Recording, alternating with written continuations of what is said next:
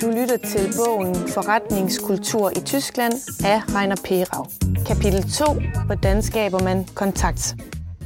At etablere den første kontakt til en tysk forretningspartner er ikke kompliceret. Ligesom i Danmark kommunikerer man i Tyskland forholdsvis direkte. Du bør hurtigt komme til sagen og nævne dit anlæggende. At tage kontakt på engelsk burde heller ikke være et problem, selvom der er stor variation i tyskernes evner til at kommunikere på engelsk. Hvordan kontakter man mulige forretningspartnere? Tyske organisationer er mindre transparente end de danske, og det kan dermed ofte være svært at få fat i direkte kontaktoplysninger til ledelsen. Dansk Tysk Handelskammer tilbyder derfor som neutral partner adressesøgning og identificering af samarbejdspartnere samt kontaktetablering. Hvor svært det er at finde frem til de rette kontaktoplysninger afhænger også tit af branchen og virksomhedens størrelse. Hvis du har din kontaktpersons mailadresse, kan du starte med en velformuleret e-mail, hvor i tonen skal være formel. Hvis du skriver på engelsk, skal det være Dear Mr. Müller. På tysk, Sehr geehrter Herr Müller. En akademisk titel skal også bruges. Tyskere er blevet langt mere uformelle de seneste år, men det er bedst at overlade initiativet til den tyske partner. Det gælder også brugen af den formelle tiltaleform, sigeformen, hvis du kommunikerer på tysk. I en e-mail skal man helst beskrive præcist, hvad man kan tilbyde, og spørge om en telefonsamtale eller et møde. Det er også muligt at kontakte forretningspartnere gennem sociale medier. LinkedIn vokser hurtigt i Tyskland. Også den tyske pendant Sing bruges stadig. Derfor kan det være en fordel at oprette en profil på Sing for at komme i kontakt med eller holde kontakten med tyske forretningsfolk. Forberedelse af forretningsmødet. Det er vigtigt at forberede sig grundigt på virksomheden og regionen, man besøger. Mange tyskere interesserer sig for sport, især fodbold er populært.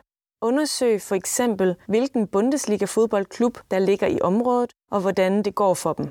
Kig måske også på, om regionen er katolsk eller protestantisk. Når man taler om regionale forskelle i Tyskland, så er trosretningen en vigtig faktor. Under det første møde gælder det om at efterlade et godt og seriøst indtryk. Pas på med for meget humor og ironi, for det er svært på fremmedsprog. Selvfølgelig kommer man til tiden og i jakkesæt med slips for mænds vedkommende og pænt tøj for kvinders vedkommende. You can always dress down, but you cannot dress up. Planlægning er vigtigt for tyskere og i en tysk arbejdsdag. Planlægning er for en tysker et instrument til at arbejde på en struktureret og effektiv måde og komme i mål. Og tyskere er mindre fleksible med deres planlægning end danskere. Derfor skal du organisere rejser til forretningsforbindelser med lang varsel. Til gengæld vil de fleste være parate til at mødes sent på eftermiddagen, omkring kl. 17, så dagen kan udnyttes optimalt, når man som besøgende rejser rundt i Tyskland. Vær opmærksom på, at tyske helligdage ikke er de samme som de danske, og at der er forskelle mellem de forskellige delstater. I Sydtyskland er der flest helligdage. Gaver er ikke nødvendige, og der findes compliance-regler i de fleste tyske virksomheder, som ofte angiver en værdigrænse for gaver. Men det er tilladt og sympatisk at medbringe en lille specialitet fra ens region. Præsentationer og informationsmateriale. Præsentationer er ikke meget anderledes i Tyskland end i Danmark.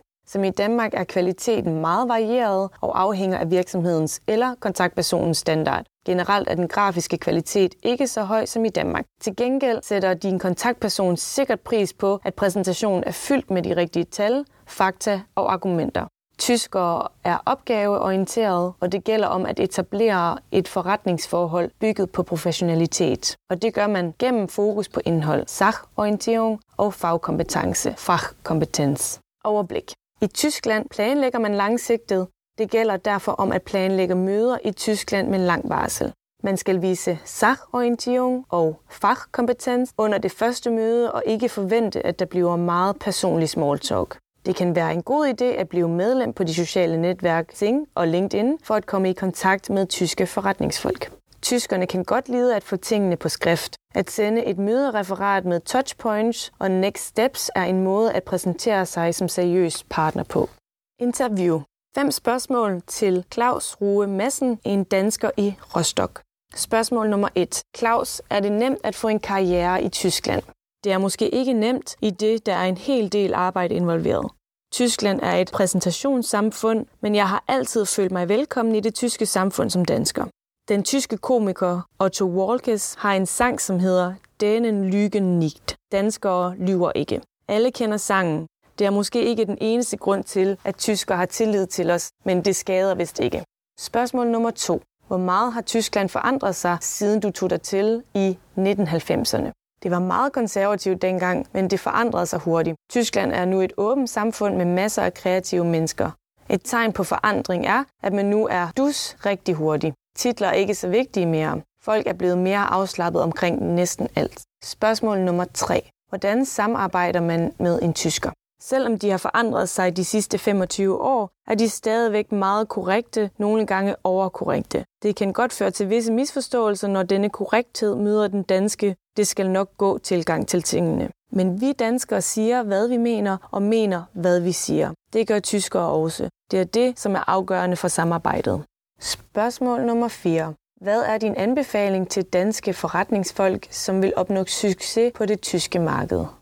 1. Man skal være forberedt på, at alt er større, og at man selv derfor er mindre end i Danmark. Hvis du er konge i Danmark, så er du ikke engang prins i Tyskland. Tyskland er for de voksne.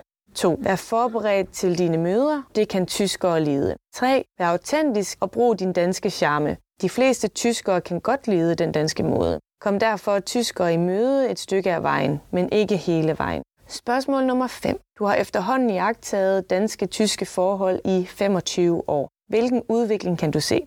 Min mormor var bekymret, da jeg flyttede til Tyskland, fordi hun ikke kunne lide landet. Et par år senere var hun indskrevet på et tysk kursus, fordi hun blev interesseret. Nu er forholdet jo bare fantastisk. Jeg kender ikke en eneste tysker, som ikke har en positiv indstilling til Skandinavien. Og danskere har fået tillid til Tyskland, fordi de ser, at Tyskland ikke søger at dominere de små lande i Europa. Tak fordi du lyttede med.